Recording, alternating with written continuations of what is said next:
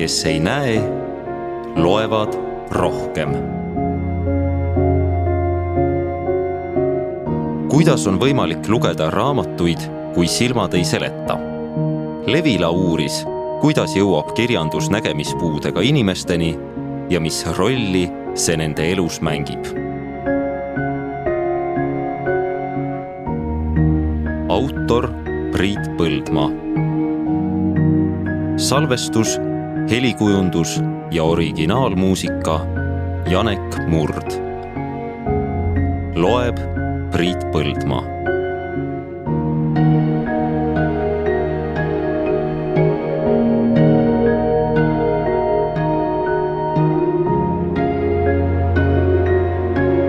esimene osa. kuidas nad seda teevad?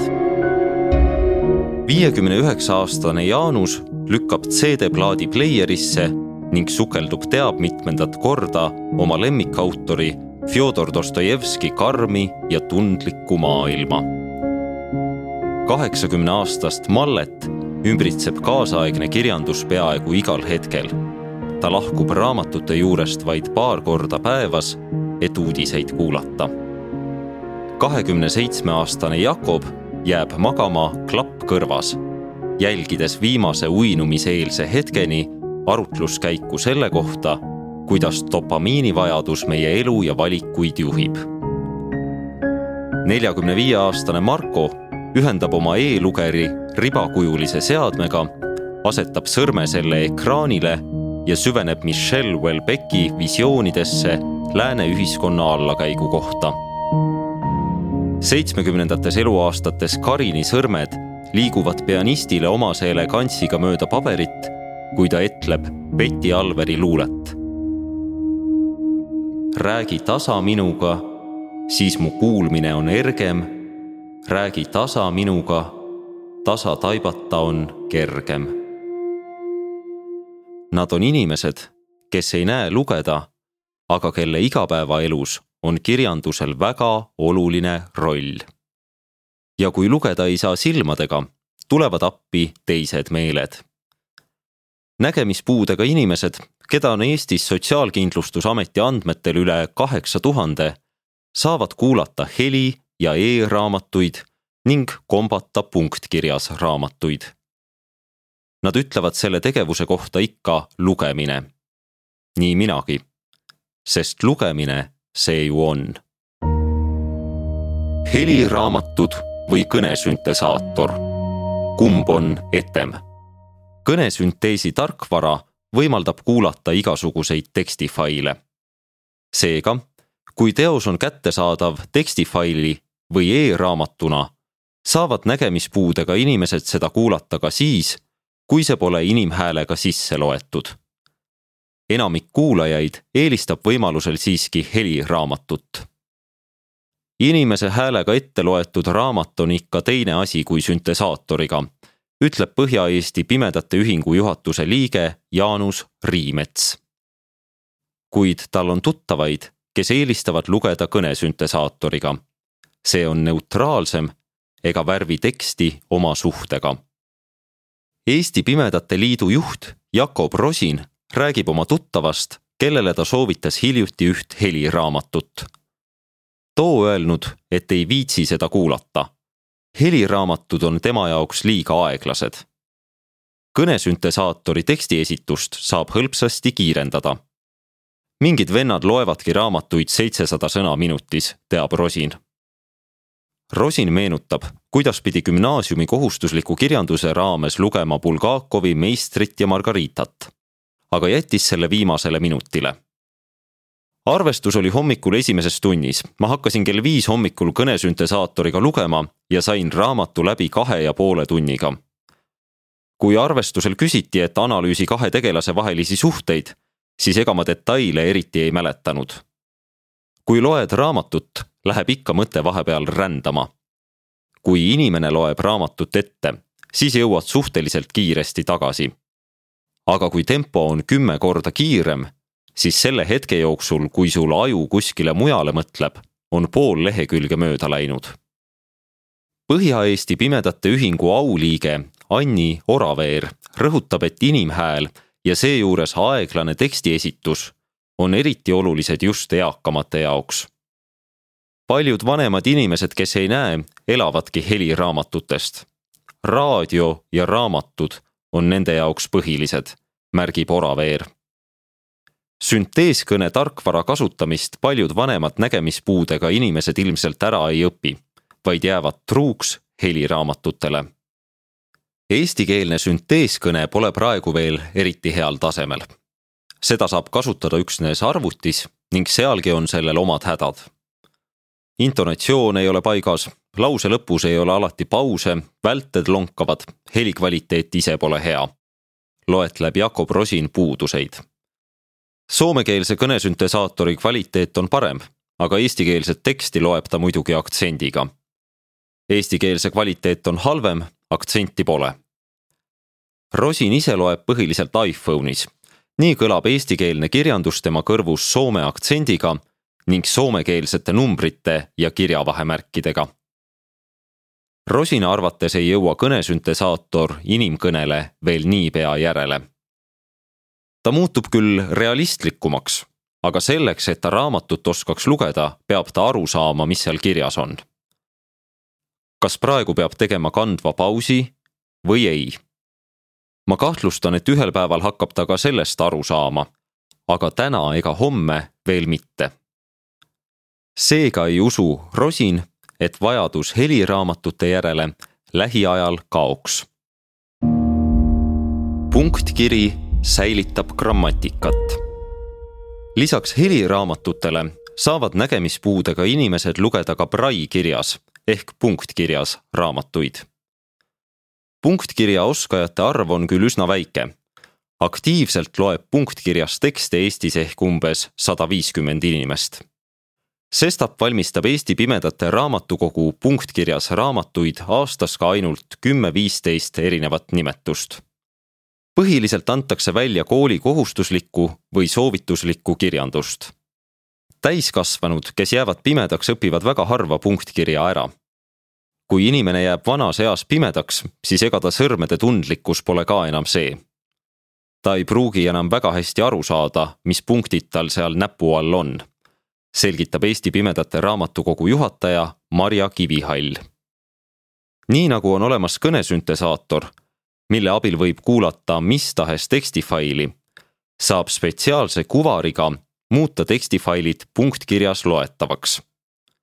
Jakob Rosin demonstreerib mulle nutitelefoni või arvutiga ühendatavat ribakujulist seadet, mille pinnale tekib sõrmedega loetav punktistikk.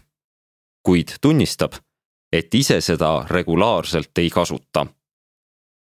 mina olen see patune, kes küll oskab punktkirja lugeda, aga ma ei loe raamatuid ega igapäevaseid tekste punktkirjas ma ei saanud kooli ajal punktkirjas lugemise harjumust sisse. lihtsam oli kuulata. lisaks on see kohmakas. ma pean võtma punktkirja lugemise jaoks eraldi seadme või lugema hästi suuri füüsilisi raamatuid. aga mõned ütlevad, et punktkirjas on kõige parem lugeda. saad ise ette kujutada, kuidas tegelased kõlavad. Punktkirjal on teisigi eeliseid. see võimaldab jääda sina peale grammatikaga Lõuna-Eesti Pimedate Ühingu liikmed räägivad, et kui pikemat aega üksnes heliraamatuid lugeda, siis hakkavad õigekirjaoskused tasapisi hääbuma. heliraamatut kuulates ei saa ju näiteks kokku ja lahku kirjutusest selget sotti. pikad kirjeldused, järelikult pimedatele mõeldud raamat. Kui Rosin võrdleb oma pimedatest ja nägijatest sõpru, siis usub ta, et pimedad loevad rohkem esiteks sellepärast, et pimedate ligipääs muudele asjadele on piiratud. kui kodust välja ei saa minna või on kodust väljas rohkem takistusi kui võimalusi, siis elavadki väga paljud oma elu läbi raamatute. teiseks saavad pimedad raamatuid lugeda igal pool ja igal ajal. Mul ei ole vaja valgust, ma jään öösel magama nii, et loen raamatut kõrvaklapp kõrvas, et mitte elukaaslast häirida. Või siis teen päeval mingeid käelisi tegevusi, koristan ja saan kogu aeg raamatut kuulata. heliraamat annab vabadust juurde. Jakob Rosin jutustab meeleoluka vahepalana loo oma elukaaslase lapsest, kes pidi koolis viiendas klassis lugema läbi Gerald Darrelli Minu pere ja muud loomad. nagu ikka kohustusliku kirjandusega, jäi ta ajahätta ja ma ütlesin, et olgu, teeme täna sohki, ma annan sulle selle audioraamatu, kuula seda.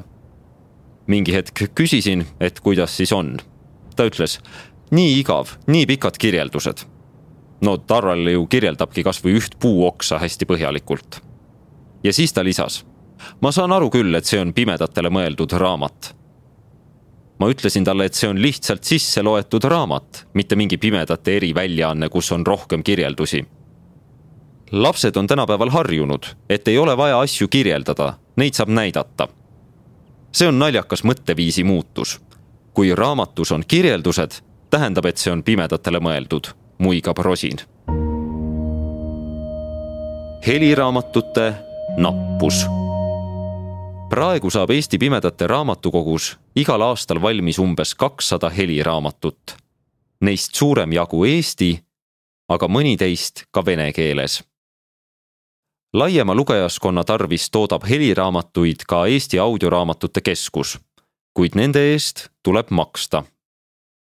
pimedate raamatukogu tegevusele seavad praegu piiri eelarve ja väike kollektiiv. seal valmistatud raamatud on kättesaadavad ainult nägemispuudega inimestele või mõne muu lugemist takistava haiguse või häirega, näiteks düsleksiaga inimestele. kui teeme punktkirjas või heliraamatuid, siis ei pea autoritelt nõusolekut küsima. aga me teeme need kättesaadavaks ainult soodustatud isikutele ja mingeid ärilisi eesmärke meil olla ei tohi, selgitab Marja Kivihall. Jakob Rosina arvates võiks Eestis heliraamatuid rohkem toota. ta usub, et nende vastu võiksid huvi tunda veel paljud teisedki inimesed, näiteks kaugsõidu autojuhid või need, kes teevad monotoonset mehaanilist tööd, mille ajal oleks võimalik raamatuid kuulata. Marja Kivihall kinnitab Rosina arvamust. talle kirjutavad või helistavad sageli nägijad kes soovivad kuulata Pimedate Raamatukogu heliraamatuid. kivihallil tuleb vastata eitavalt. Me ei tohi neid anda, ka raha eest mitte. kui muuta Pimedate Raamatukogu sisu avalikult kättesaadavaks, muutuks Eestis ka vaade audioraamatutele, arvab Jakob Rosin. me võiks jõuda ühel hetkel sinna, et kui raamat tuleb välja, siis sellest tehakse kohe ka audioraamat kui audioraamatud oleks ühiskonnas laiemalt levinud, paraneks pimedate olukord, sest tekiks nõudlus ja läbi nõudluse loodaks raamatuid rohkem. Soovid on suuremad kui võimalused. tehes valikut, milliseid raamatuid sisse lugeda, püüab raamatukogu võimalikult palju arvestada oma lugejate huvidega kriminullid lähevad hästi, põnevus, ajaviitekirjandus, ka minu sarja raamatud, loetleb Marja Kivihall. meil on eraldi Exceli tabel, kuhu paneme kirja lugejate soovid, millistest teostest heliraamatuid teha. Kolleegidega loeme ka ise hästi palju ja jälgime raamatu arvustusi. paarsada teost, mis Pimedate Raamatukogus aasta jooksul sisse loetakse on muidugi kordi väiksem igal aastal ilmuvate uute eestikeelsete väljaannete kogu hulgast. kõiki lugejate soove ei ole võimalik täita. Jaanus Riimets kiidab raamatukogu vastutulelikkust, kuid mõistab, et kui ta midagi tellib, peavad raamatukogu töötajad arvestama, et teosel oleks peale tema veel teisigi lugejaid. Riimets tunneb puudust klassikast pimedate hulgas ei ole klassika eriti populaarne. tahetakse rohkem põnevust, aga klassika on ka väga põnev. Jaanus Riimets nimetab, et just tema tellimusel luges Andres Ots kahe tuhande kaheksateistkümnendal aastal sisse Selma Lagerlöfi Gösta Berlingi saaga. Jakob Rosin igatseb jällegi rohkem ulmet ja populaarteaduslikku kirjandust ma olen andnud endale lubaduse, et ma loen igas kuus silmaringi laiendamiseks läbi ühe mitte ilukirjandusliku raamatu. aga populaarteaduslikke raamatuid on Pimedate Raamatukogus vähe. Rosin on olukorra lahendanud nii, et loeb ingliskeelset kirjandust originaalis. Ma vaatan, kust ma selle raamatu kätte saan. kõigepealt uurin, kas ta on Audible'is sisseloetuna olemas. kui ei ole, siis vaatan, kas ta on e-raamatuna Kindlis ja sel juhul lasen kõnesüntesaatoril ta ette lugeda, selgitab ta. Kindle on Amazoni hallatav e-raamatute keskkond, Audible aga Ameerika audioraamatute ja taskuhäälingute müügiplatvorm raamatute kättesaadavust nägemispuudega inimeste jaoks piirab seegi, et e-raamatud pole Eestis veel väga laialt levinud. kuni kahe tuhande kahekümnenda aastani oli ühe aasta jooksul välja antud e-raamatute hulk umbes poole väiksem trükis ilmunud raamatute hulgast. pimedate raamatukogus on e-raamatuid võrdlemisi vähe, sada kakskümmend erinevat nimetust. tõsi Neid saab laenutada ka Tallinna Keskraamatukogu laenutuskeskkonnast Ellu, kus leidub tuhandeid teoseid. Salajased trükifailid. Jakob Rosinal on raske mõista, miks ei võiks kirjastused jagada pimedate raamatukoguga raamatute trükifaile. nii oleks võimalik neid kõnesüntesaatori abil lugeda ja kirjanduse kättesaadavus nägemispuudega inimestele paraneks oluliselt igast raamatust on ju fail olemas. Pimedate raamatukogu lugejate kasutusõigus on kontrollitud. sa ei saa selle raamatukogu lugejaks, ilma et sa oleks tõendanud, et sul on lugemist takistav puue, häire või haigus. Neile inimestele võiks ju küll raamatud failina kättesaadavad olla, leiab Rosin. säilituseksemplari seaduse alusel saadavad kirjastused Rahvusraamatukogu digitaalarhiivi oma väljaannete trükifailid ent neid on võimalik kasutada ainult viie raamatukogu, Eesti Rahvusraamatukogu, Tallinna Ülikooli Akadeemilise Raamatukogu, Tartu Ülikooli Raamatukogu, Tallinna Tehnikaülikooli Raamatukogu ja Eesti Kirjandusmuuseumi Arhiivraamatukogu spetsiaalsetes arvutiterminalides ehk autoriseeritud töökohtadel. failide üldsusele kättesaadavaks tegemine või välistele andmekandjatele salvestamine ei ole lubatud. Marja Kivihalli sõnul on Pimedate Raamatukogu palunud kirjastustelt, et need failid võiks teha kättesaadavaks inimestele, kes ei saa trükitud raamatuid lugeda. aastate eest on kirjastuste käest ka mõningaid faile saadud. raamatud muutuvad aina kättesaadavamaks rahvusraamatukogu teenuste juht Kristel Veimanni sõnul tegeleb raamatukogu parasjagu autoriseeritud töökohtade uuendamise ja täiustamisega. terminalidele lisatakse muuhulgas ka ekraanilugeja ja kõnesüntesaatori kasutamise võimalus. see tähendab, et vähemalt mainitud viies raamatukogus avaneb nägemispuudega inimestel võimalus lugeda kõiki Eestis ilmunud trükiseid praegu Sõjamäel asuv Pimedate Raamatukogu liidetakse järgmise aasta alguses Rahvusraamatukoguga ja peaks kahe tuhande kahekümne viiendal aastal kolima Tõnismäele, Rahvusraamatukogu taasavatavasse peahoonesse. käesoleva aasta lõpus plaanitakse avada ka Rahvusraamatukogu uus e-raamatute laenutuskeskkond. laenutusteenusele liidetakse kõnesünteesi tarkvara, millega on kõiki e-raamatuid võimalik kuulata lähtume teenuste arendamisel põhimõttest, et neid saaksid kasutada võimalikult paljud elanikkonnagrupid, rõhutab Kristel Veimann ja lisab, et lahenduse valmimise erinevates etappides on kindlasti kavas kaasata ka nägemispuudega inimesi.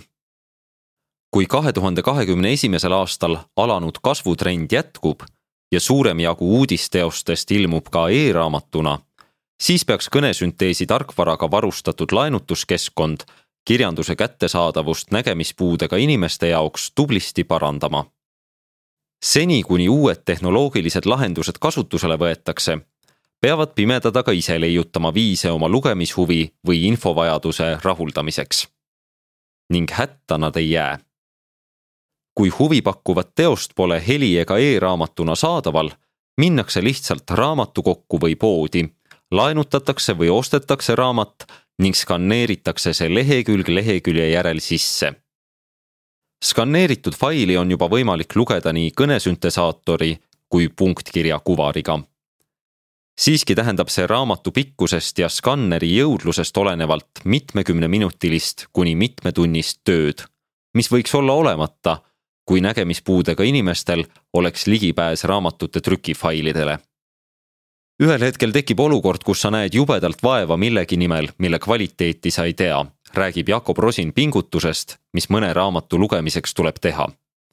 kujuta ette, et kõik räägivad, jube põnev auto, aga sa pead sellele ise Saksamaale jalgsi järele minema. Lähed Saksamaale, vaatad, no kurat, sulle üldse ei sobi. aga sa oled mingi meeletu aja sinna alla pannud. nii on kohati kergem lihtsalt alla anda. Aeg Levila reklaamiks. minu nimi on Daniel Vaarik ja ma kirjutan raamatut Kersti Kaljulaidist. selle nimi on Vapilõvi ja seda saab praegu tellida Levila leheküljelt aadressil vapilovi.levila.ee. telli juba praegu kahekümne üheksa euro eest Levilast, sest mine tea, palju see jõulude ajal poes maksma hakkab. Jaanus Riimets märgib, et praegu on seis siiski tunduvalt parem kui tuhande üheksasaja kaheksakümnendatel aastatel, mil tema heliraamatuid kuulama hakkas. siis olid raamatud lintidel. isa tõi koju terve kotitäie linte ja need pidi pärast tagasi viima, meenutab ta. kui minna ajas veelgi tagasi, siis tuhande üheksasaja kuuekümnendate aastate lõpus, mil Eesti Pimedate Ühingu helistuudio loodi, loeti raamatuid ette pimedate ettevõtetes töötavatele inimestele läbi kohaliku raadiovõrgu. pimedad tegid oma igapäevatööd ja said samal ajal raamatuid kuulata. alles hiljem hakati neid lintidele salvestama tänapäeval saab raamatuid laenutada mälupulgal või kaardil või CD-plaadil. CD-plaadid raamatutega saadetakse lugejatele posti teel otse koju ning neid tagastama ei pea. Üha populaarsem on ka Pimedate Raamatukogu kodulehel asuv veebiraamatukogu, kust leiab ligi viis tuhat seitsesada teavikut, mida on võimalik otse voogedastusena kuulata või alla laadida Jaanus Riimetsa arvates lisandub sinna uusi heliraamatuid täitsa parajas tempos. pealegi meeldib talle juba loetud raamatuid uuesti üle lugeda. tahan pigem süveneda ühe raamatu avarustesse, kui saada lihtsalt informatiivset ülevaadet paljudest erinevatest raamatutest, lausub Riimets